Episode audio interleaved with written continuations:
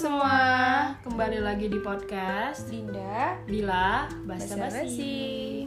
Alhamdulillah akhirnya hari ini kita bisa nge-podcast lagi setelah sekian lama kita nggak nge-podcast dan nggak ngobrol-ngobrol bareng. Karena kemarin kita sibuk mempersiapkan sesuatu Tuh, apa sesuatunya Din? Tunangan Amin. Jadi eh, karena ini kita masih fresh fresh banget ya lagi celebrate apa namanya graduation gitu. graduate Waduh. Jadi kita pengen mungkin kali ini kita bakal ngobrol-ngobrol tentang uh, graduation dan juga kita bakal ngajak kalian untuk ngobrol flashback flashback kehidupan kita tentang perkuliahan. Empat tahun yang lalu. Kayak gitu. Siapin ya, siapin kopi, siapin snacknya yang di mobil, dengerin baik-baik sambil Hmm. flashback flashback gitu ya nostalgia gitu. Tapi kita bakal ngobrol dari awal banget ya Din ya. Dari awal mula seorang Dinda Sania dan Nadila Kahar berjuang masuk ke dalam kedokteran Kedokteran. gitu.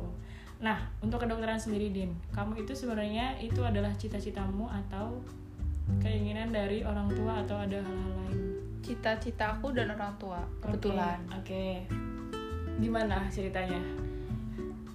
Jadi dulu itu, tapi dulu itu cita-citaku bukan, maksudnya dulu kan kita kan masih kecil ya, masih Mm. kayak nggak ngerti apa-apa. Jadi SMA itu adalah penentuan kita buat kayak oh selangkah lagi kuliah nih Mm. gitu kan. Dan di situ kan kita ketemu teman-teman yang kayak kita nggak pengen pisah nih dari teman A, Bener. Nggak pengen pisah nih dari teman B. Jadi kita tuh muter balik kotak apa ya biar kiranya kita itu bareng Mm. gitu. Dan ternyata banyak yang nggak sejalan. Ibaratnya kayak yang temanku di Solo lah, temanku di mana lah gitu tuh loh dan ternyata itu adalah hal yang sangat sulit untuk berpisah dengan teman-teman apalagi teman-teman satu daerah gitu kan jadi ya udah gitu waktu itu SMP itu aku pengen teknik elektro dan itu bertahan sampai SMA Mm-mm. Karena aku yakin kalau aku tuh kayak punya keterampilan dalam elektro wah gila. Berarti bisa nih ya baikin kabel-kabel putus tuh bisa, bisa. tapi sekarang gue takut dan gue ini lupa gitu. Nah terus waktu SMA itu kayak mamaku tuh hanya bilang carilah kuliah yang memang pasti kerjanya. Hmm. kayak misalkan aku bukan me- bukan bilang yang lain nggak pasti gitu loh. Mungkin Tapi yang itu sesuai untuk kamu gitu gak sih? Iya dan kerjanya tuh kayak sesuai aja gitu loh. Kayak misalkan kalau misalkan aku dok, dok apa kuliah kedokteran aku jadi dokter gitu. Bener. kuliah kebidanan aku jadi bidan. Kuliah keperawatan aku jadi perawat gitu Iya. kan. Kuliah farmasi aku bisa ambil apoteker gitu. Terus kayak kuliah hukum aku bisa jadi jak- jaksa Oh. advokat dan lain-lain gitu kan. Kuliah pendidikan aku bisa jadi guru gitu. Nah mamaku tuh maunya tuh yang pasti gitu. Nah ternyata aku bingung di situ dipikir-pikir lagi kan oh iya ya ternyata tuh kuliah itu memang harus dipertimbangkan karena itu adalah jaminan atau investasi kita untuk masa depan kita Benar. gitu nah terus akhirnya setelah itu ya udahlah sepakat dikomunikasikan sama orang tua gitu kan mengukur kemampuan dan lain-lain kita komunikasikan mau di univ mana di kota mana ya udah tuh terima nih di kedokteran di Jogja. Kalau kamu gimana Kalau aku sebenarnya hmm, menjadi seorang dokter itu bukan cita-citaku sih. orang tua Iya, tapi waktu itu aku juga mikirnya bukan aku juga nggak suka sih, lebih kepada mungkin karena dulu masih umur belasan tahun gitu ya, jadi kayak masih nggak ngerti mau jadi apa gitu, jadi lebih milih untuk ya udahlah ngikut aja gitu. Tapi kalau misalnya flashback lagi, sebenarnya aku waktu itu ngerasanya kayak passionku tuh bukan di kedokteran gitu, gimana karena memang aku lebih suka menghitung gitu kan, lebih suka ngitung. berarti kamu lebih kayak pengen ngambil matematika murni Iya, gitu. bukan matematika murni juga sih. Kayak misal, aku dulu kepikiran untuk sekolah tinggi. Jadi misal kayak Oh, stat. stat, nah, stis. nah kayak gitu. Jadi karena memang dia kan Stis menghitung, iya, stis ilmu statistik. Iya. Nah, tapi karena orang tua juga pengennya dokter, jadi ya udah nggak apa-apa gitu. Tapi padahal bukan- cuannya lebih banyak di stan ya Iya, iya, iya. Tapi ya cuan udah cuan gitu cuan kan. cuan Tapi ya udah gitu dan pada akhirnya kan alhamdulillah juga selesai S1-nya. masih lama sih walaupun ya masih tiga tahun gitu tapi alhamdulillah lah gitu. Ternyata bener restu orang tua itu adalah restu Allah gitu. Betul ya udah gitu. Jangan melawan orang tua. Gaya banget. Waduh, gue sering banget astagfirullahaladzim. Ya udah. eh tapi waktu kamu daftar kedokteran biasa tuh kan banyak tuh pengalaman-pengalaman teman-teman. Aku juga banyak pengalaman ya. Kamu susah nggak waktu awal-awal? Kalau kamu mah gampang. Lo ini kan yang sekarang. Tapi kan universitas lain kan aku juga nyoba. Aku Kamu tuh gini ini ya guys kesalahanku. Kalau kalian dikasih kesempatan dulu kan kita senam PTN pakai kuota inget gak iya. Jadi dulu itu 2015 tuh yang boleh angkatan 2015 itu senam PTN itu 100% ikut. Jadi yang di SMA itu semua anak ikut gitu kan nah 2016 itu ada penyaringan. Jadi 60% dari anak-anak mahasiswa eh mahasiswa anak-anak siswanya itu ke jaring senam PTN nah aku nih salah satunya yang ke jaring gitu Hmm. kan. Nah kalau menurut aku senam PTN itu harus digunakan dengan sebaik-baiknya. Karena kayak ya lo tuh kalau keterima lo nggak perlu mikir susah buat tes lo nggak perlu mikir mau masuk univ mana lo keterima aja gitu loh. Hmm. Tapi kadang senam PTN juga bikin kita itu nggak serak karena kita itu harus ibaratnya harus membanting setir gitu loh. Kalau kamu mau keterima senam PTN ya kamu harus mengukur nilaimu. Kayak sekiranya nih misal nih aku nilainya 100 semua boleh lah aku daftar UI gitu kan. Iya. kedokteran UI jelas masuk ibaratnya gitu. Atau kedokteran undip aku jelas masuk. Kedokteran UGM jelas masuk. Tapi karena aku merasa kayak nilaiku juga nggak yang jelek-jelek amat tapi juga nggak yang tinggi-tinggi banget gitu Hmm. maksudnya di atas 9 tapi nggak yang 98 semua gitu loh Iya. maksudnya 98 atau 90 semua maksudnya cuman beberapa doang gitu kan jadi kayak ya udah tuh karena aku memang nggak memilih memang aku sudah mengkomunikasikan dengan orang tua untuk yang aku ke jaring senam PTN tapi aku nggak mau kuliah di negeri bodohnya diriku oke oke. Soalnya banyak soalnya banyak. Enggak ding. tiap hari makannya mie di kos. Enggak terus enggak. terus? Jadi karena kayak aku merasa nggak mampu aja dan aku takut ke pontal-pontal tahu kan Uh, pontal maksudnya kayak takut capek dan nggak sanggup sendiri gitu ya? Iya karena menurut aku itu kayak orang di negeri itu lebih pinter-pinter gitu Oke. dan aku mengukur kemampuan itu Hmm. kan. Tapi ternyata semuanya sama aja setelah kita kayak iya sih. mengevaluasi Mm-mm. gitu kan teman-teman kita kenalan-kenalan kita gitu. Senam PTN tuh kamu tau nggak aku daftar mana? Aku itu daftar yang sekiranya aku nggak akan pernah keterima. Oke. Aku daftar kedokteran UI jelas nggak keterima. Oke. Pilihan kedua kedokteran Undip ya jelas nggak keterima juga Bener, gitu. jadi ya udah nih aku nggak buka pengumuman senam PTN langsung aja pokoknya langsung aja orang nggak bakal lulus Aja ya? gitu kan Ah. nah terus setelah itu aku memilihlah di unifu yang sekarang oke di situ tuh kayak yang udah nih yang pasti dikomunikasikan sama orang tua ya karena swasta yang pasti biayanya lebih mahal gitu Hmm. kan terus kata orang tua ya nggak apa-apa gitu akhirnya aku tes pertama itu hari hari pertama kali aku datang ke unifu aku itu mau CBT ceritanya. Kagak bawa persyaratan. Rapat aja nggak bawa bawa diri doang. Aku Oke. kira itu nggak pakai kayak gituan. Kayak kita cuma Langsung bayar lah. ya iya langsung bayar aja. Ternyata harus bawa semuanya dan aku kayak yang goblok banget gitu. Hmm. gak bawa apa-apa gue dimarahin sama mama papa. Terus eh, hari berikutnya aku nyoba CBT tapi kan ada yang paket ya ada Hmm. yang kayak satu kali ada yang paket gitu. Dan aku nyoba yang satu kali. Gila itu tuh 60 menit 100 soal. Hmm. lu ngap banget gak ngerjain kayak Ya, anjir. bener. kayak yang apa nih namanya baca soal panjang satu menit tuh nggak nyampe Hmm. gitu kan. Maksudnya kayak yang harus lebih dari menit. Dan itu waktunya habis tapi belum sampai 100 soal. Terus kayak yang nggak bisa nih aku diperjuangin di CBT gitu. Terus ternyata ada PBT dan PBT itu jadwalnya itu hamin satu, satu minggu UN Hmm. dan satu bulan setelah UN PBD satu hamin satu minggu aku nekat untuk ke Jogja dan mengikuti gitu kan Hmm. kayak pengen tahu sih jenis soalnya itu gimana gitu dan ternyata nggak lolos nangis aku jadi jadinya karena kan waktu itu fokusnya terpecah ya Hmm. aku harus mas aku harus memikirkan untuk masuk kuliah tapi seminggu minggu depan tuh aku udah harus UN gitu loh. Hmm. jadi kayak yang blank gitu kan. Soalnya oh yaudah deh udah tahu nih jenis soalnya gini gitu. Kalau PBT itu waktunya lebih lama. 90 menit 100 soal lumayan lah. Hmm. 10 soalnya bisa ditinggal gitu Iya. maksudnya. dan soalnya itu nggak sepanjang yang di CBT gitu. Itu Terus? sih. Terus pas PBT 2 aku nggak mau buka pengumuman karena trauma. Mbakku yang buka terus mbakku cuma telepon ya Allah jadi dokter. Alhamdulillah semuanya sujud syukur. Aku gak sujud syukur karena aku masih tidur kayak ah, ngantuk alhamdulillah. Tidur lagi so aku langsung marahin sama mamaku. Bangun sujud syukur. Sujud syukur aku habis itu eh tapi PBT itu pengumumannya waktu sebelum UN gak sih? Atau sudah sesudah yang Oh, PBT UN ya?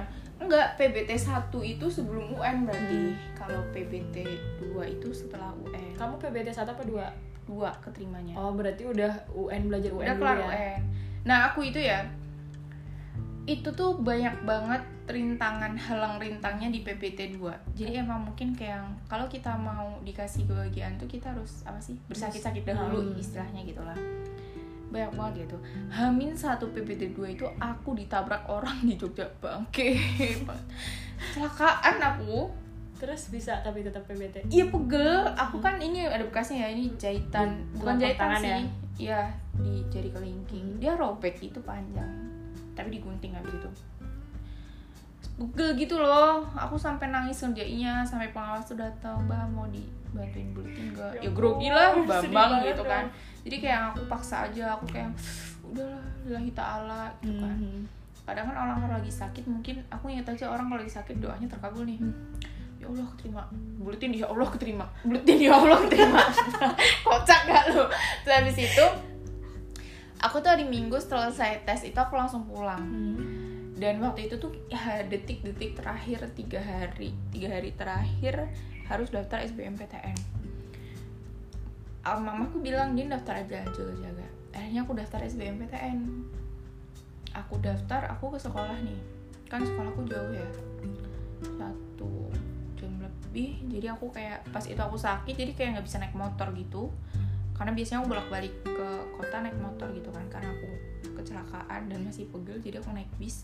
Bener-bener besok paginya, jadi aku pulang sampai rumah malam itu besok paginya aku ke SMA, nyiapin semua persyaratan, bayar ke bank gitu kan eh pulang dari bank ditilang ditilang udah el-elan sama polisi aku bilang pak saya itu hari Jumat itu mau balik ke Jogja. Saya itu mau tes kesehatan. Hmm. dan lain-lain gitu. Ya namanya juga doa orang yang teraniaya gitu kan. Tiba-tiba tuh padahal itu kan belum pasti. Hmm. tes kesehatan itu kan dilakukan kalau memang kita sudah keterima. Hmm.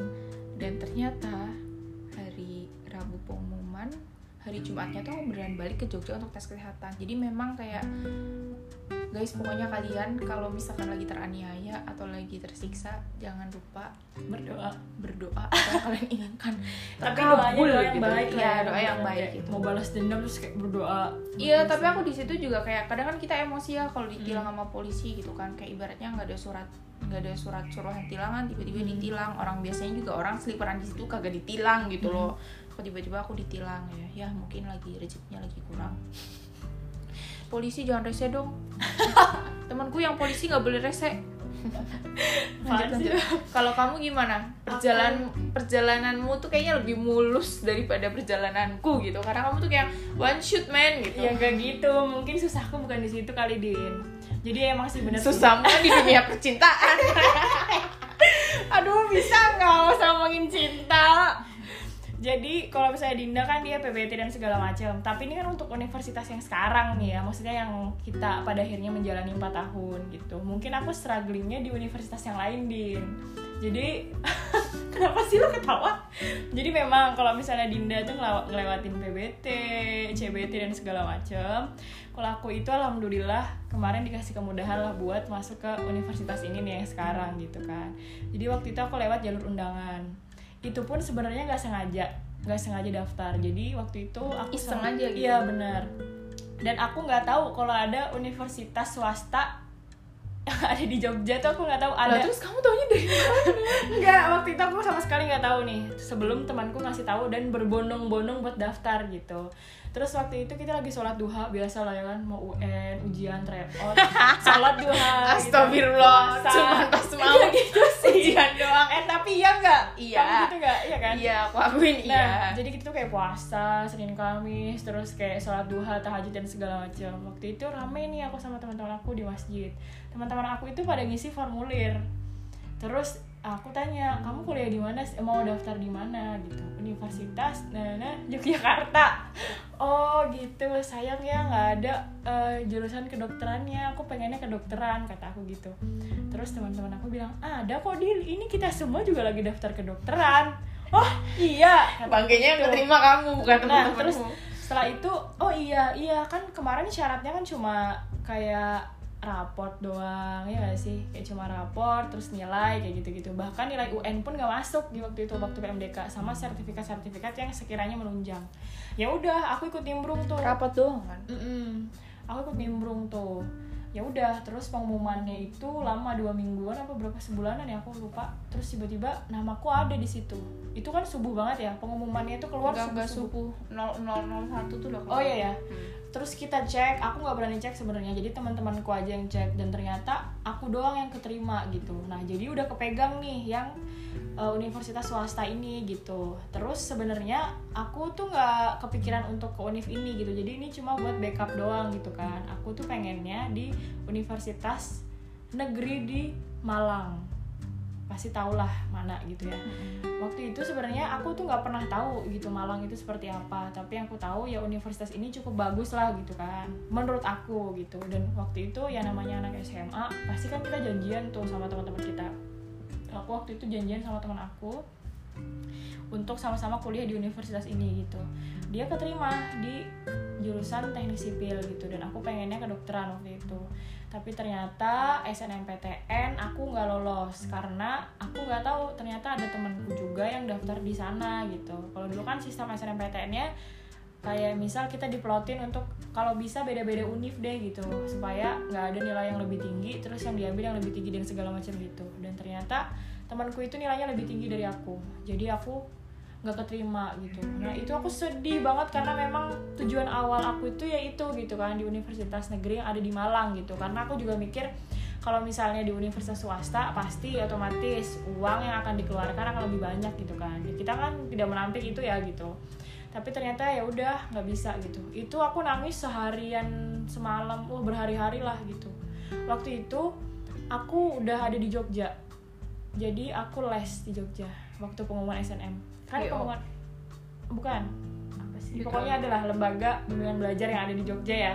Jadi waktu itu aku udah sebulan di Jogja tapi waktu itu aku udah megang universitas sekarang yang kita lulus ini dan aku belum dapat pengumuman SNMPTN oh itu setelah UN Ya, nah sebenarnya gara-gara aku sudah megang kedokteran di universitas yang sekarang ini, aku jadi nggak niat buat UN. sa Sembarang banget aku ngisi gitu, karena aku udah pegang kedokteran. tapi aku juga sih iya karena kan? aku aku ini loh aku waktu itu belum keterima Heeh. tapi setahu itu swasta itu tidak melihat nilai UN Iya, gitu jadi kayak yang ya udah santai aja gitu loh dan aku Bener. tuh anehnya pede banget kamu tahu ya aku pede banget Iya, ada ada hantu suara burung. aku tuh pede banget untuk masuk universitas kita gitu Iya. jadi kayak yang ya udah UN-nya santai. Tapi ya sedih sih lihat nilainya kayak yang Iya. lebih buruk daripada SD SMP Sampai gitu sekarang kan. aku nggak mau buka sih punya aku. jelek banget soalnya. Jelek parah. banget. Terus ya udah tuh setelah aku udah nggak lolos itu sedih banget kan. Aku tuh sebenarnya les sebulan itu pengen setelah lepas dari yang Malang itu ya udah berarti ini di Jogja gitu. Nah dan sebenarnya masih berusaha untuk masuk di universitas negeri gitu. Karena mengingat biaya yang pengennya sih ya bisa lebih ringan lah gitu. Selain UB kamu daftar mana selain UB aku daftar universitas negeri sebelah emang agak-agak nggak logis sih waktu itu mikirnya ya jadi kayak gamping mengidul ya Iya, gampang mengidul. Jadi waktu itu aku ikut SBM itu aku tulis Universitas Negeri sebelah. Terus ujian tulisnya, ujian mandiri yang ribuan orang itu aku ikut gitu. Tapi dengan apa ya ekspektasi aku juga nggak terlalu tinggi karena aku pun menyadari gitu. UM-nya Jadi udah. Enggak sih sebenarnya, kayak soal-soal basic aja. Tapi karena emang aku udah udah nggak niat banget itu, jadi ya udah sih gitu. udah Dan, capek iya dan juga pasti kan passing grade-nya ya tinggi. tinggi lah gitu kan. Tapi sebenarnya soalnya kan basic apalagi kalau misalnya kita les biasanya itu diajarin rumus-rumusnya atau cara cepat, cara cepat kayak gitu. Gitu sih. Nah, kalau kamu kan Din, kamu dari awal udah niat kayak aku pengen Jogja. Pokoknya di mana pun eh di mana pun jurusan apa pun Jogja gitu. Berarti Iya. kan kamu cinta sama Jogjanya nih daripada univnya. Ya enggak. Kenapa kamu milih Jogja sih? Karena menurut aku aduh aku juga nggak tahu ya. Karena gini loh ketika aku datang ke Jogja aku tuh merasakan kenyamanan gitu. Padahal cuma datang doang gitu kan. Oke. ih gaya banget datang langsung nyaman gitu.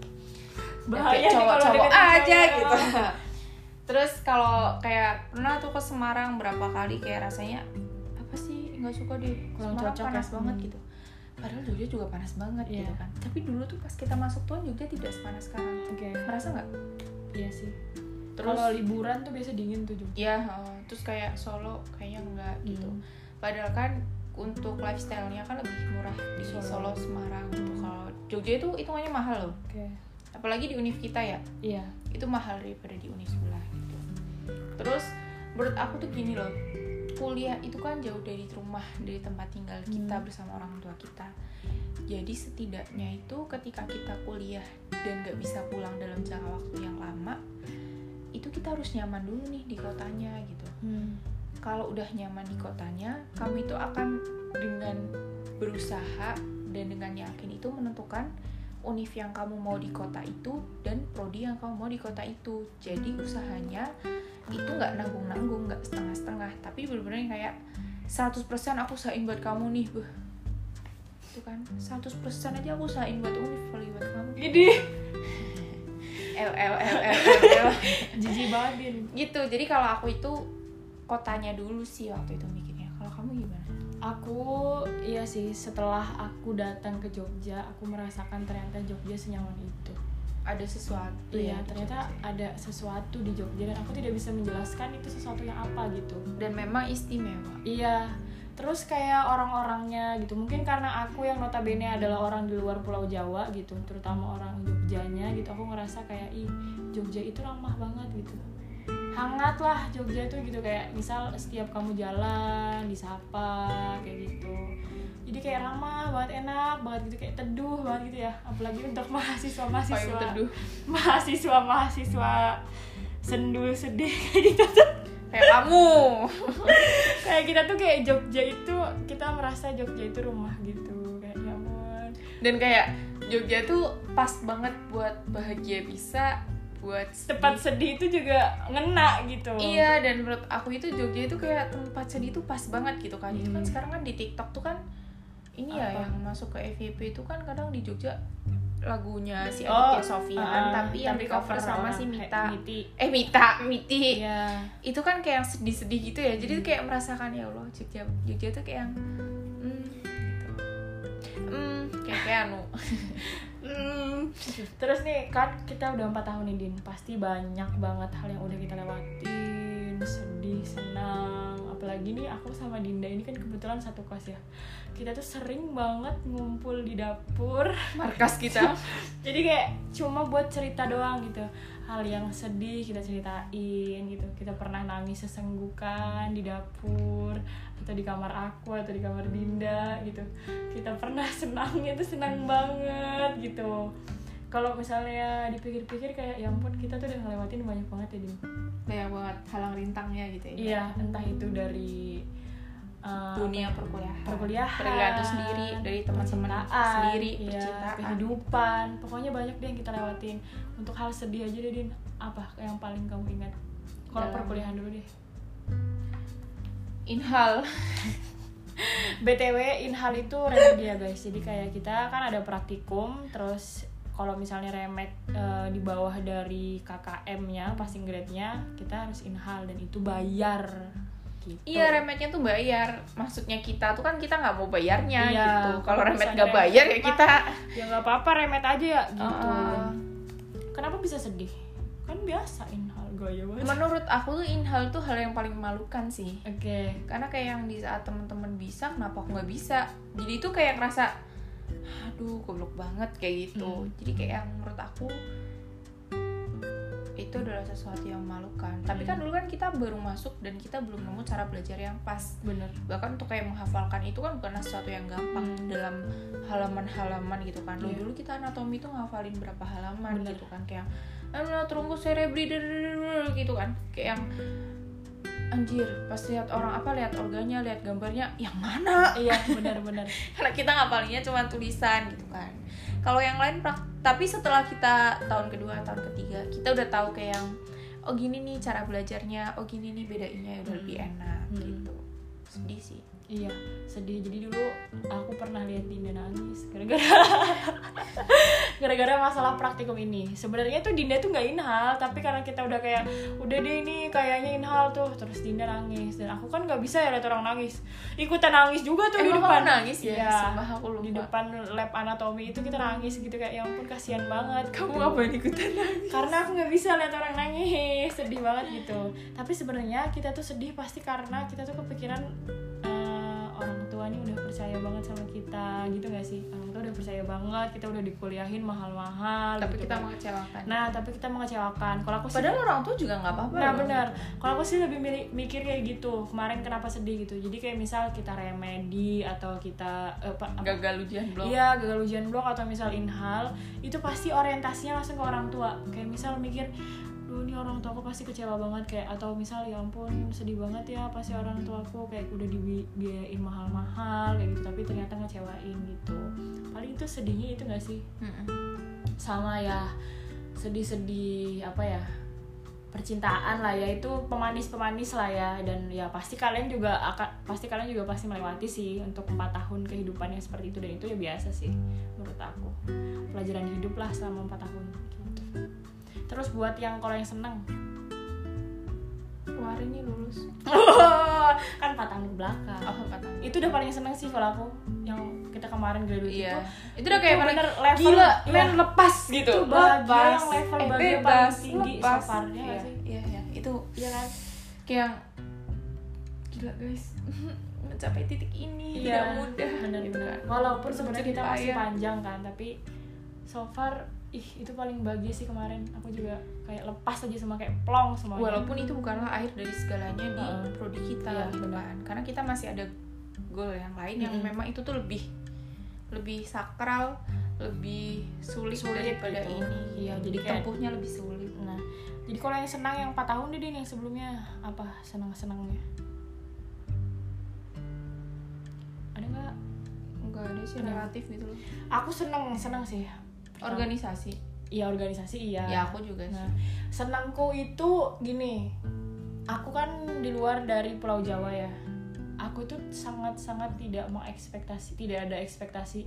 Ternyata kuliah itu sangat-sangat merubah aku gitu. Menjadi sosok yang Dila yang sekarang gitu. Mungkin kayak dulu waktu SMA mikirnya kayak ya ampun aku gini aja gitu. Kita cuma mikirin ambisi ya hidup doang lah kayak gitu kan ambisi-ambisi mimpi-mimpi ya duniawi gitu tapi ternyata ketika aku kuliah itu banyak banget pelajaran-pelajaran yang tanpa disadari itu kita dapetin gitu kayak misal dari budaya aja itu deh bukan seneng itu pengalaman Iya sih, tapi aku senang. Oh, iya, iya, oke. Di- Senang dengan hal senang itu dengan hal gitu, baru, ya. karena aku mendapatkan hal-hal yang baru gitu. Kayak misal dari teman-teman gitu, aku senang uh, pas kuliah ini kayak lebih apa ya bergaul dengan banyak orang, apalagi kita beda budaya gitu kan. Jadi kayak aku tuh banyak belajar banget sih kayak gitu. Terus seneng karena aku bisa menemukan sesuatu yang aku sukai. Kalau dulu kan mungkin kayak aku mikirnya ya ya udah deh ini yang penting terserah orang tua aja gitu aku mau ngapain gitu tapi pas kuliah kayak aku ngerti oh aku sukanya ini aku pengen ini gitu sih aku senangnya itu sih dan Jogja itu bedanya nggak terlalu jauh Mm-mm. jadi ya kayak yang ya gitu-gitu aja Mm. gitu tapi gini kan tadi udah senang sedih gitu kan terus seputar seputar kuliah dulu tuh waktu SMA tuh aku sering banget dengar kayak entah itu kakak kelas aku doang yang nakutin atau gimana pasti dulu sering banget dengar kalau udah kuliah itu semua orang akan bersikap sangat individualis oh itu benar Iya. Tapi aku so far nggak ngerasa itu sih.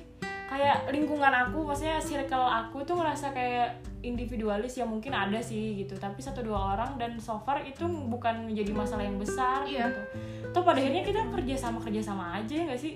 iya ma- maksud mungkin maksudnya tuh aku nggak tahu sih ya kalau prodi lain ya Mm-mm. maksudnya kalau kita kan ya kita memang fokusnya ke prodi kita gitu kan jadi kayak kita juga nggak tahu prodi lain gitu. Mungkin maksudnya tuh kayak lebih ke yang tadinya kita satu geng ibaratnya tiba-tiba kayak jadi individualis gitu Mm-mm. tapi kalau aku sih mikirnya tuh kayak yang ya udah gitu kita udah sama-sama dewasa mungkin kepentingan dan urusan kita itu beda kepen- tujuan kita udah nggak sama lagi ya nggak masalah tapi kalaupun memang kayak ibaratnya saling membutuhkan ya tinggal bilang aja gitu loh Mhm. kan kita juga sebagai teman nggak mungkin nggak bantu pasti kita bantu selagi kita bisa ya Mhm. kan sebenarnya tuh ya nggak yang individu-individu banget sih buktinya aku sama kamu Mhm. sama Rista Mhm. bersama bersama aja kita Iya. Karena dulu kan kita mikirnya kayak waktu dulu di SMA dikasih tahu gitu mikirnya bener-bener kita bakal harus berkompetisi masing-masing gitu loh. Tapi kan pada kenyataannya enggak, kita tetap masih bisa belajar sama teman gitu.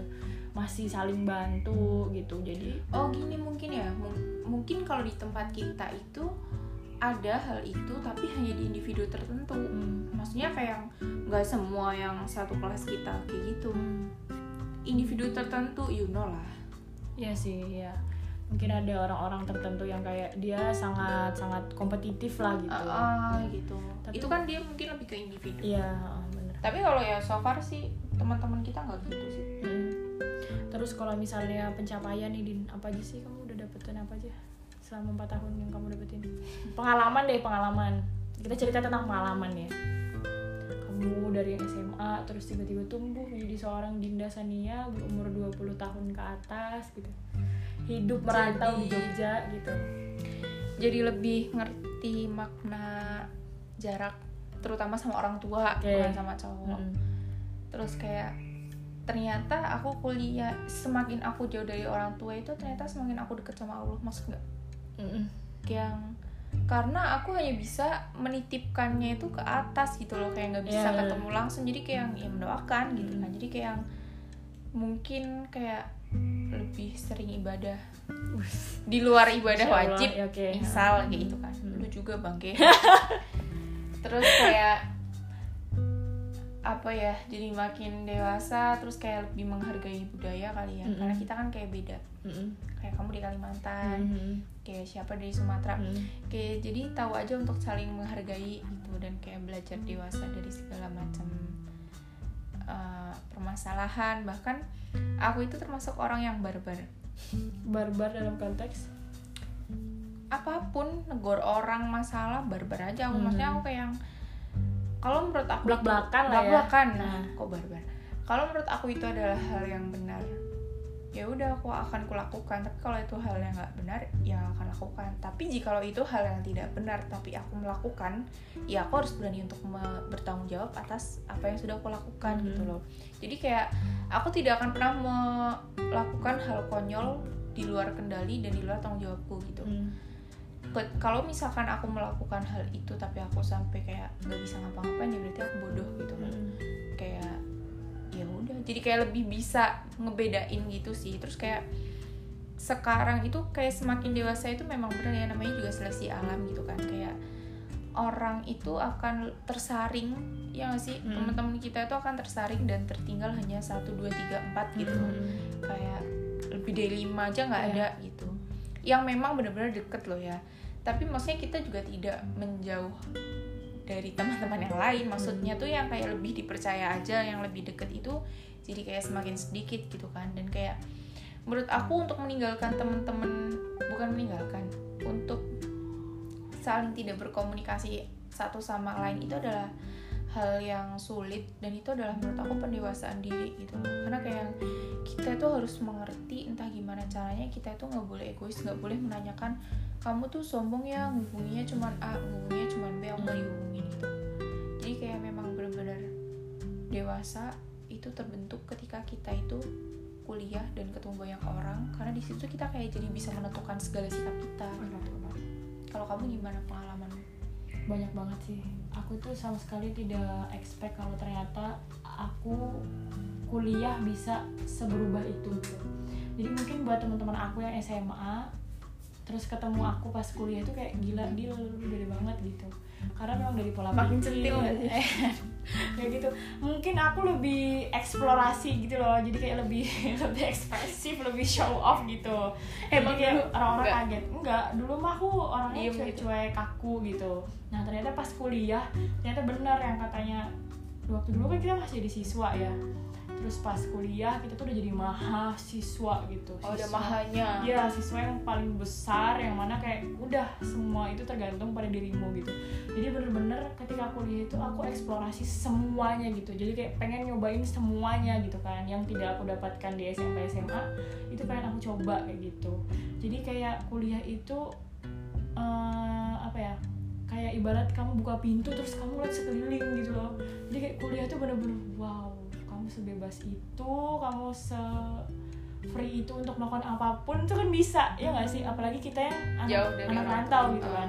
Jadi kayak semua itu bisa kita lakukan dan kalau kamu jatuh kamu bisa bener-bener jatuh gitu. Dan kamu jadi kayak bener-bener semua keputusan tuh ada di kamu gitu loh. Terus jadi kayak aku belajar banyak hal gitu. Mulai dari belajar belajar kehidupan sih lebih banyak sih kuliah eh kuliah. Kalau kuliahnya sih tetap ya maksudnya ilmu pendidikan lah ya gitu. Tapi di luar itu ternyata ilmu kehidupan yang aku dapatkan itu banyak banget gitu. Termasuk budaya Jogja juga dan segala macam kehidupan. Karena aku tahu cerita-cerita teman atau kita sering sharing sering cerita gitu jadi kayak ya ampun aku sangat-sangat mencintai kehidupan perkuliahan kalau kata orang kisah eh, kisah paling indah itu di SMA tapi aku ngerasa kuliah itu indah banget loh kuliah itu indah banget untuk jurusan kita nggak tahu kalau Mungkin ya. mungkin untuk jurusan yang lainnya atau aku pribadi nggak tahu Maksudnya karena kita memang teman-teman kita kan kita kan solid ya semuanya maksudnya Mm. ke A bareng A bareng B Iya. bareng B bareng Iya. gitu maksudnya sekalipun kita mungkin punya teman deket sendiri-sendiri di kelas tapi itu kita melakukan hampir melakukan segala halnya itu bareng gitu loh jadi Iya. kayak yang itulah indahnya kayak Hmm. gitu ya walaupun pasti ada satu dua kali cekcok wajar lah Nah, terus tadi kan kamu bilang orang tua nih. Kamu sering homesick gak sih? Karena Waduh, kan aku sering nangis sendiri. Notabene, eh notabene kita kan anak rantau ya jauh Iya. gitu. dan kayak aku kan sering ya kadang kayak tiba-tiba bilang Dila aku habis nangis semalam gitu Hmm. kayak kangen sama orang tua Hmm. kadang juga nangis di depan kamu kayak aku tuh gini gini gini gitu. Hmm. ya kan aku sering Iya. gitu gitu ya kangen lah Terus udah kamu buat ini. adanya jarak tuh kan biar terciptanya rindu Nah, bener banget. kalau nggak ada jarak kita nggak kangen Iya, bener. lalu kalau kita di rumah emang kita kangen orang tua kita iya, kan enggak malah ngomel-ngomel gitu kan. Jadi kayak kalau ngerasa jauh itu malah sayang gak sih? Hmm, bener Terus kalau misalnya kamu lagi homesick gitu gimana? Video call gitu. Ya udah gitu gitu aja. Untungnya ada teknologi ya. Kalau kita dulu. iya aku nggak ya kebayang dulu ampun. kita masih pakai hp Nokia hitam putih. itu kayak ya Allah Wah, gitu. apalagi kamu kan masih mending ya bisa pulang ini Dengan- nah karena darat. iya kalau aku kan ya paling enam bulan sekali gitu tiap semester gitu. Jadi kayak ya ditahan-tahan lah gitu. Tapi justru itu yang buat dewasa gak sih? Karena pada akhirnya pun kan nanti kalian bakal hidup sendiri gitu berkeluarga. Kan nggak mungkin sama orang tua terus gitu jadi menurut aku yang menjadi anak rantau itu dicoba gitu. Karena nanti pada akhirnya kan kalian bakal hidup sendiri gitu kan. Dan keren buat kalian yang bisa berhasil untuk menjadi anak rantau kayak gitu sih. Terus nih homesick ya kan? Itu anak kos homesick pasti. Terus masalah keuangan. Aduh. Pernah gak sih kamu selama 4 tahun nih ngalami masalah-masalah keuangan nih? Aduh gila. Adalah di tahun 2018 ya. Parah. Boros ya?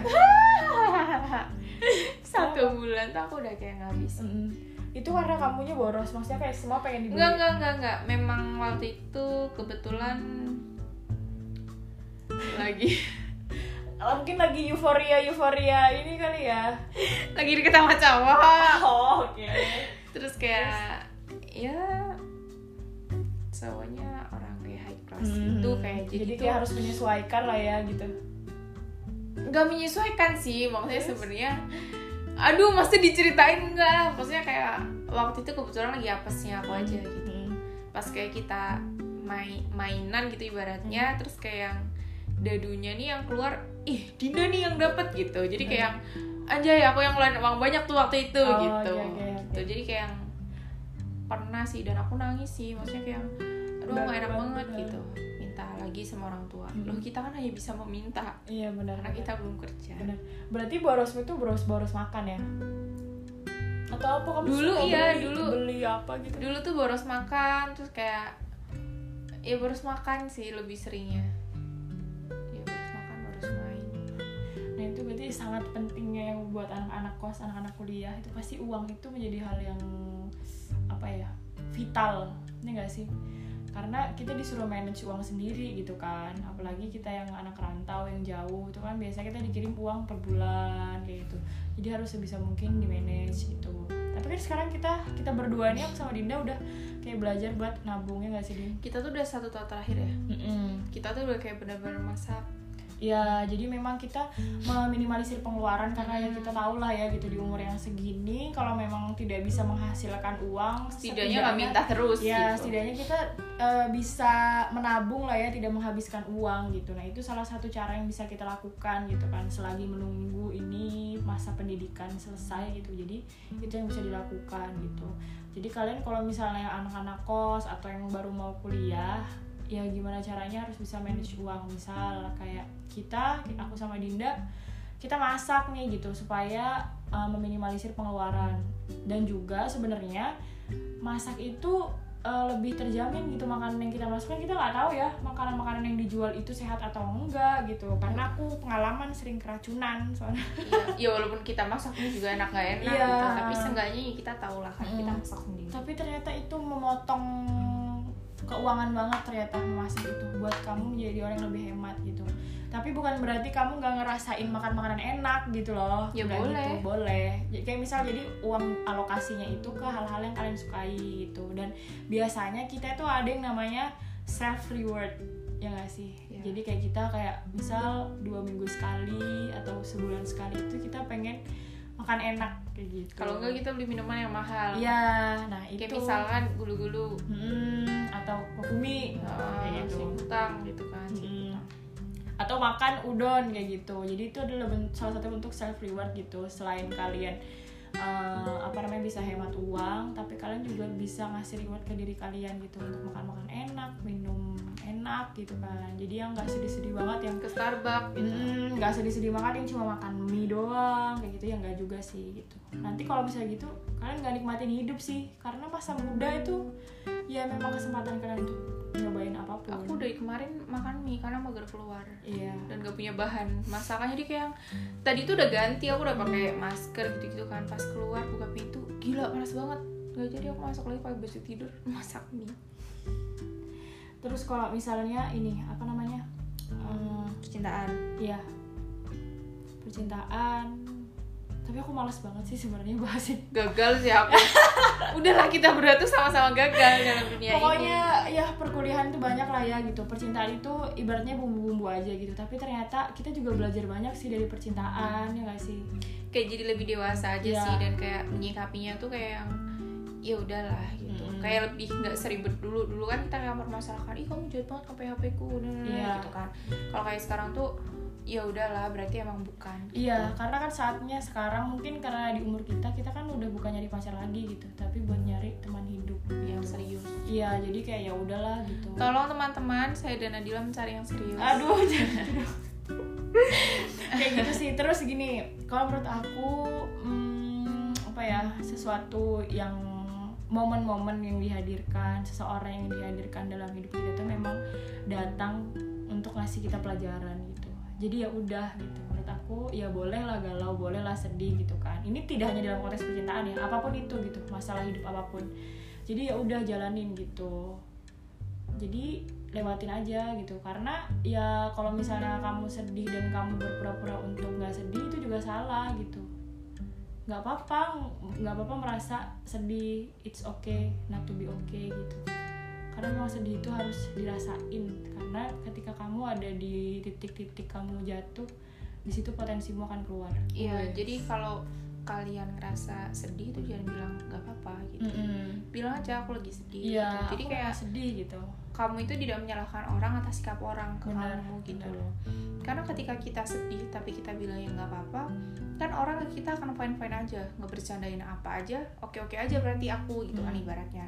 Tapi orang kan nggak tahu kalau aku tuh lagi sensi, terus ternyata kamu nggak bercandain aku tapi aku nggak terima, aku malah marah kan jadi suatu masalah Hmm. gitu kan. Jadi sebisa mungkin itu jujur sama diri sendiri dan Benar. jujur kepada orang-orang yang bertanya Hmm. gitu. Nah mungkin itu kesalahanku mungkin ya kalau misalnya aku flashback flashback ke belakang gitu aku sering banget berpura-pura untuk baik-baik saja gitu padahal aku nggak baik-baik aja gitu. Dan ternyata itu efeknya jelek di kitanya. Secara mental. Ya kita tuh lebih banyak untuk memendam kan gitu kan Iya, padahal seharusnya itu dikeluarkan gitu. Jadi ya udah kalau kamu sedih sedih aja gitu jangan pernah denial terhadap diri sendiri kayak gitu. Terus kita ini kan umur 22 tahun ini. Udah ada di fase di mana oke ini kita lagi mengalami quarter life crisis gitu. Udah masuk. Iya udah masuk gitu. Makanya kayak pola pikir kita itu selalu mikirnya Aduh gimana nih? Kuliah masih lama banget gitu. Pasangan. Lagi-lagi pasangan gitu kan. Jadi tuh kayak setiap langkah yang kita ambil Yang kita ini tuh selalu kita tuh hati-hati ya masih langkah yang kita ambil keputusan yang kita ambil itu selalu kita hati-hati gitu. Karena itu tadi kita udah ada di umur segini di mana kayak kita harus memikirkan masa depan gitu. Bahkan gini kita pun karena kita jurusan yang istilahnya kita tuh belajarnya lama gitu ya selesainya lama gitu kan. Jadi tuh kita ini tuh ada di fase di mana kok kita kuliahnya nggak selesai-selesai padahal kita tuh pengen banget cari kerja pengen banget dapat uang udah pikirannya pasti udah ke sana gitu terus kayak mikir jurusan-jurusan lain itu udah kerja dan segala macam gitu kan jadi yang bisa dilakukan adalah ya udah lakukan hal-hal yang positif aja tapi kayak di istilahnya kita bersyukur ya karena kayak ibaratnya kita aja yang yang udah pasti akan menjadi dokter kita aja tinggal nunggu koas aja bingung Hmm. kita mau ngapain gitu loh apalagi teman-teman yang mungkin non kedokteran dan Hmm. bener-bener fresh graduate dan kalian harus cari kerja gitu tuh kayak yang ya Allah gitu. Jadi Hmm. kayak kita juga ada rasa bersyukurnya gitu. Terus nih sebenarnya kan kita berdua ini bukan apa ya anak yang pintar-pintar banget ya di kedokteran enggak gitu. Maksudnya teman-teman ya teman-teman kita pun tahu gitulah seorang Dila dan Dinda ini seperti apa gitu. Tapi ya kita kan selama ini juga belajar lah gitu cara belajar yang tepat untuk kita itu seperti apa gitu. Dan kalian itu wajib tahu gitu cara belajar kalian itu enaknya seperti apa gitu. Karena ini prosesnya panjang 4 tahun gitu ya. Jadi emang harus benar-benar memanfaatkan waktu yang ada terus cari cara belajar kalian yang benar itu seperti apa gitu. Jangan sampai kalian disekolahkan dibiayai kuliah tapi ternyata tidak memberikan hasil yang maksimal kayak gitu. Kalau kamu sendiri din kemarin itu cara belajarmu gimana sih ya juga nggak bener-bener amat Iya. ya cuman kalau kayak praktikum gitu tuh karena kayak pertama tuh mindset sih sebenarnya. Mindset itu ngaruh banget dalam hal belajar. Kayak misal kita belajar praktikum ya ketika kita otak kita bilang nggak bisa kita itu nggak akan pernah bisa Mm. gitu. Kita tuh harus biasakan otak kita kalau kita tuh bisa kita tuh Mm. bisa aku bisa aku bisa aku bisa gitu. Kayak praktikum tuh ke sini ke sini kayak udah semester 2, 3, 4 tuh ya udah enak aja. Cuman baca aja bisa jawab. Wah, gila. Itu tertentu. Iya, Oke. tapi kita tuh harus kayak apa ya istilahnya memahami karakteristik tiap praktikum nih. Kayak praktikum ini pretestnya gimana sih? Postesnya gimana? Terus praktikumnya kayak apa? Kita tuh harus menyesuaikan gitu harus pandai-pandai menyesuaikan. Karena kan kita praktikum nggak cuma satu dua. Hmm. banyak kita Hmm. kan. Terus kayak kalau misal ujian blok gitu ya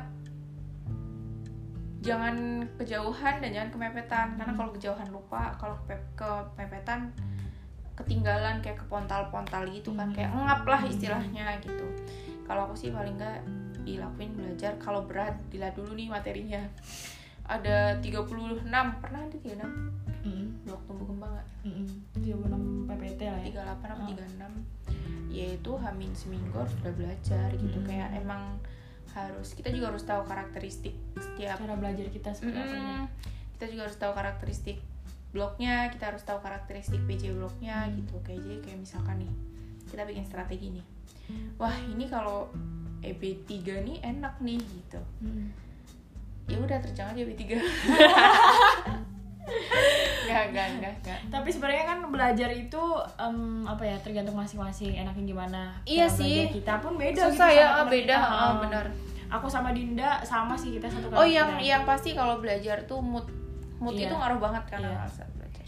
dan menurut aku kalau mau enak emang jangan sampai menunda-nunda sih Mm-mm. kayak misal kamu habis kuliah itu alangkah baiknya kayak langsung dicatat gitu ya. Kalau anak-anak rajin kan mager. Tapi ya tapi kalau kita kan mageran Iya, anaknya bisa. kayak gitu. Itu paling paling kayaknya paling ini sih kalau aku lihat teman-teman kita dia tuh rajin rajin buat mengulang. Emang sebenarnya dari dulu emang gitu sih tapi kitanya aja ya Din ya kayak banyak kesibukan oh sih kesibukan sibuk main. Kamu kamu. Sibuk main kayak gitu. Terus eh, bener kata Dinda niat jangan pernah ngomong nggak bisa. Semuanya tuh bisa. Kayak kita pun dulu dari dulu juga seringnya ngomong nggak bisa nggak bisa. Tapi kalau misalnya udah ada niat pasti tuh kelewat deh gitu. Iya, Iya nggak sih? bisa Terus, batas bisa nah, akhirnya. aku pun juga lebih ini aku mikir kamu tuh nggak perlu cerdas banget untuk eh, istilahnya kuliah kayak kita gitu ya. Nggak perlu cerdas banget. Yang penting tuh kamu rajin. Udah. Kuncinya tuh itu. Rajin berusaha Mm-mm. dan gak berhenti Iya, dan berdoa lah pasti gitu ya. Karena ya kita ada di titik ini juga dari doa-doa kita sebelumnya gak sih sampai ke titik ini dengan pencapaian kita saat ini gitu. Jadi ya udah gitu, jangan pernah ngerasa minder sama otak sendiri. Yang penting kamu tuh yakin bisa berusaha. minder itu kan karena otaknya udah bilang kayak ih nggak bisa Iya, gitu benar-benar, kalau otaknya bisa ya bisa aja benar-benar. Terus mungkin ini terakhir ya pesan-pesan deh. aku ya pengen- quotes gitu boleh ya, boleh sih. Pesan-pesan misal buat yang Oh, baru iya mau udah. kuliah atau yang sekarang lagi tinggal dikit lagi mau lulus atau dia oke, belum oke, lulus sama yang mau kerja? Yang buat kuliah jangan pernah minder untuk pengen masuk kedokteran. Atau jangan jurusan mikirin apa pun lah ya. atau jurusan apa pun jangan mikirin kayak ih nanti kuliahnya gini kata A kuliahnya gini. Jangan dengerin kata orang. Terus habis itu tentuin dulu komunikasikan dengan orang tua tentuin univnya mana kotanya mana bikin senyamanmu Mm. dan pengen di mana jangan dipaksakan gitu terus yang buat setelah lulus yang fresh graduate semangat Mm. yang mencari kerja semangat semoga dapat kerjaan yang tepat yang mapan yang oke yang nyaman Mm. yang pengen lulus tapi belum bisa lulus wisuda di tahun ini tetap semangat. Semua orang itu punya porsi dan waktunya masing-masing.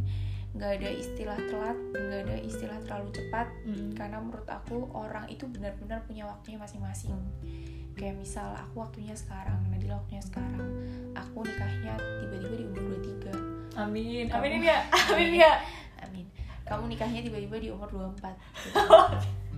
ya nggak masalah karena memang itu waktu yang tepat untuk kamu Iya. dan itu memang waktu yang tepat buat aku Mm. gitu kan jadi kayak kita dia bisa menam- menampik itu semua gitu yang yang ada kita itu cuma bisa berusaha Benar. berdoa dan gak berhenti sampai waktu itu datang Iya, gitu ya. sampai waktu itu datang dan ada quotes nih terutama untuk anak-anak kuliahan gitu kan yang bermasalah dengan segala macam perkuliahan dan seisinya Oke. termasuk orang-orangnya gitu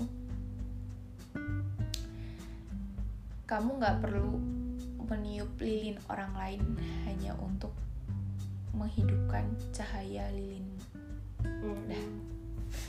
pikir sendiri artinya apa udah kayak Maria Teguh ya intinya lu nggak usah jatuhin orang lain kalau lu pengen terlihat Iya, wow di depan orang bener, lain bener, gitu bener. itu bukanlah hal yang bukanlah hal atau sesuatu yang baik Mm-mm. gitu. Kalau dari aku buat adik-adikku gila gila adik-adikku. Nah, itu udah tua ya, Din. Buat adik-adik, tua banget tua bangke buat adik-adik yang mungkin mau masuk kuliah, eh, menurut aku penting juga sih untuk dikomunikasikan kepada orang tua. Tapi yang perlu kamu tahu, ketika kamu melakukan sesuatu yang kamu sukai, itu akan lebih keluar banget powernya lebih daripada jatuh cinta. Mm-mm, lebih jatuh cinta sama apa yang kamu kerjakan daripada kamu ngikutin orang tua atau kamu terpaksa masuk ke jurusan itu gitu. Jadi akan lebih baik kalau misalnya kamu tahu passionmu di mana gitu. Karena aku bener-bener merasakan ketika la- ah, mungkin aku melihat temanku ya. Kalau aku kan kemarin itu istilahnya aku belum suka dulu gitu tapi ketika aku menjalani aku baru suka gitu kan. Tapi ada orang yang dia udah tahu dia sukanya apa dari awal dan dia ngerjain itu itu bener-bener powernya semangatnya effort yang dikeluarkan itu bener-bener tulus dan bahagianya itu bener-bener luar biasa gitu. Dan aku pengen setiap orang itu bisa merasakan itu gitu. Dan aku pun juga sekarang lagi berusaha untuk bisa merasakan itu karena aku pengen melakukan sesuatu yang aku sukai kayak gitu sih. Tapi ada juga orang yang berpikir kamu tidak perlu melakukan sesuatu sesuai passionmu tapi passionate lah terhadap sesuatu. Dibalik. Nah iya. Tapi itu juga nggak apa-apa sih terserah bebas orang bilang gimana. Senyaman. Nah yang penting kamu nggak benci dengan apa yang kamu sukai gitu kan. Kalau aku kan ya sosok lah biasa aja gitu. Tapi aku tetap sih tetap mendukung kalau misalnya kamu lebih melakukan sesuatu yang kamu, Kamu cintai sukai. dan kamu sukai. Walaupun itu tidak bisa diukur dari mungkin uang yang didapat atau apa tapi kebahagiaan yang didapat itu ternyata beda gitu.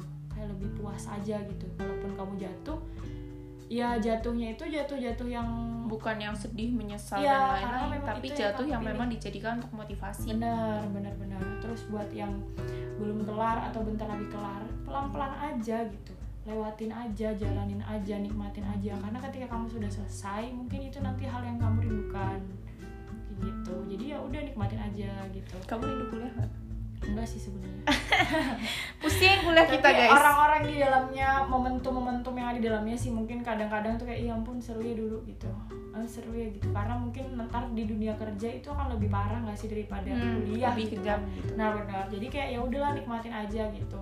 Dan yang belum selesai yang masih menumpuk skripsi dan segala macam bener kata Dinda semua itu akan ada waktunya masing-masing. Ketika kalian telat bukan berarti kalian gagal gitu karena memang ya belum waktunya aja dan semua akan ada waktunya masing-masing dan waktu itu selalu tepat karena waktu Tuhan itu adalah waktu yang terbaik gitu. Gitu Betul. sih. Terus yang kerja ya karena kita belum kerja yang harusnya kita tuh kerja ya umur umur anak kerjaan lah ya. Ya tadi aku bilang lakuin satu yang disukain aja sih. Untuk kayak buat apa ya kalau kerja kan kadang penat ya. Kayak banyak hal-hal yang harus dilakukan dan banyak hal-hal yang harus diselesaikan Hmm. gitu jadi jangan lupa tetap bahagia dan jangan lupa untuk mencari hiburan mencari benar. hiburan itu Benar. adalah hal yang penting gitu loh kayak apa sih self love quality Ya. time sama orang-orang tersayang kayak boleh pasangan boleh orang tua atau Hmm. family time itu juga kayak yang menurut aku itu adalah hal yang penting gitu itu adalah hal yang bisa memotivasi kamu untuk kayak lebih semangat lagi benar-benar istilahnya work hard play hard lah ya ya Wih. bah, gila mantap jiwa jangan lupa buat main pokoknya tuh gitu. gitu deh obrolan kita tentang graduation hari ini dan tentang flashback kita Iya. dan tentang obrolan kita yang ngalor ngidul Iya, jadi pokoknya semangat aja buat yang mau kerja atau buat kita berdua dan teman-teman kita yang setelah ini masih akan menempuh jalan yang cukup panjang. Bismillah, semoga kita semua bisa ngadepinnya. Amin. Gitu, jangan lupa bahagia. Udah sekian dari kita. Stay safe, stay healthy semuanya. Assalamualaikum warahmatullahi wabarakatuh. bye bye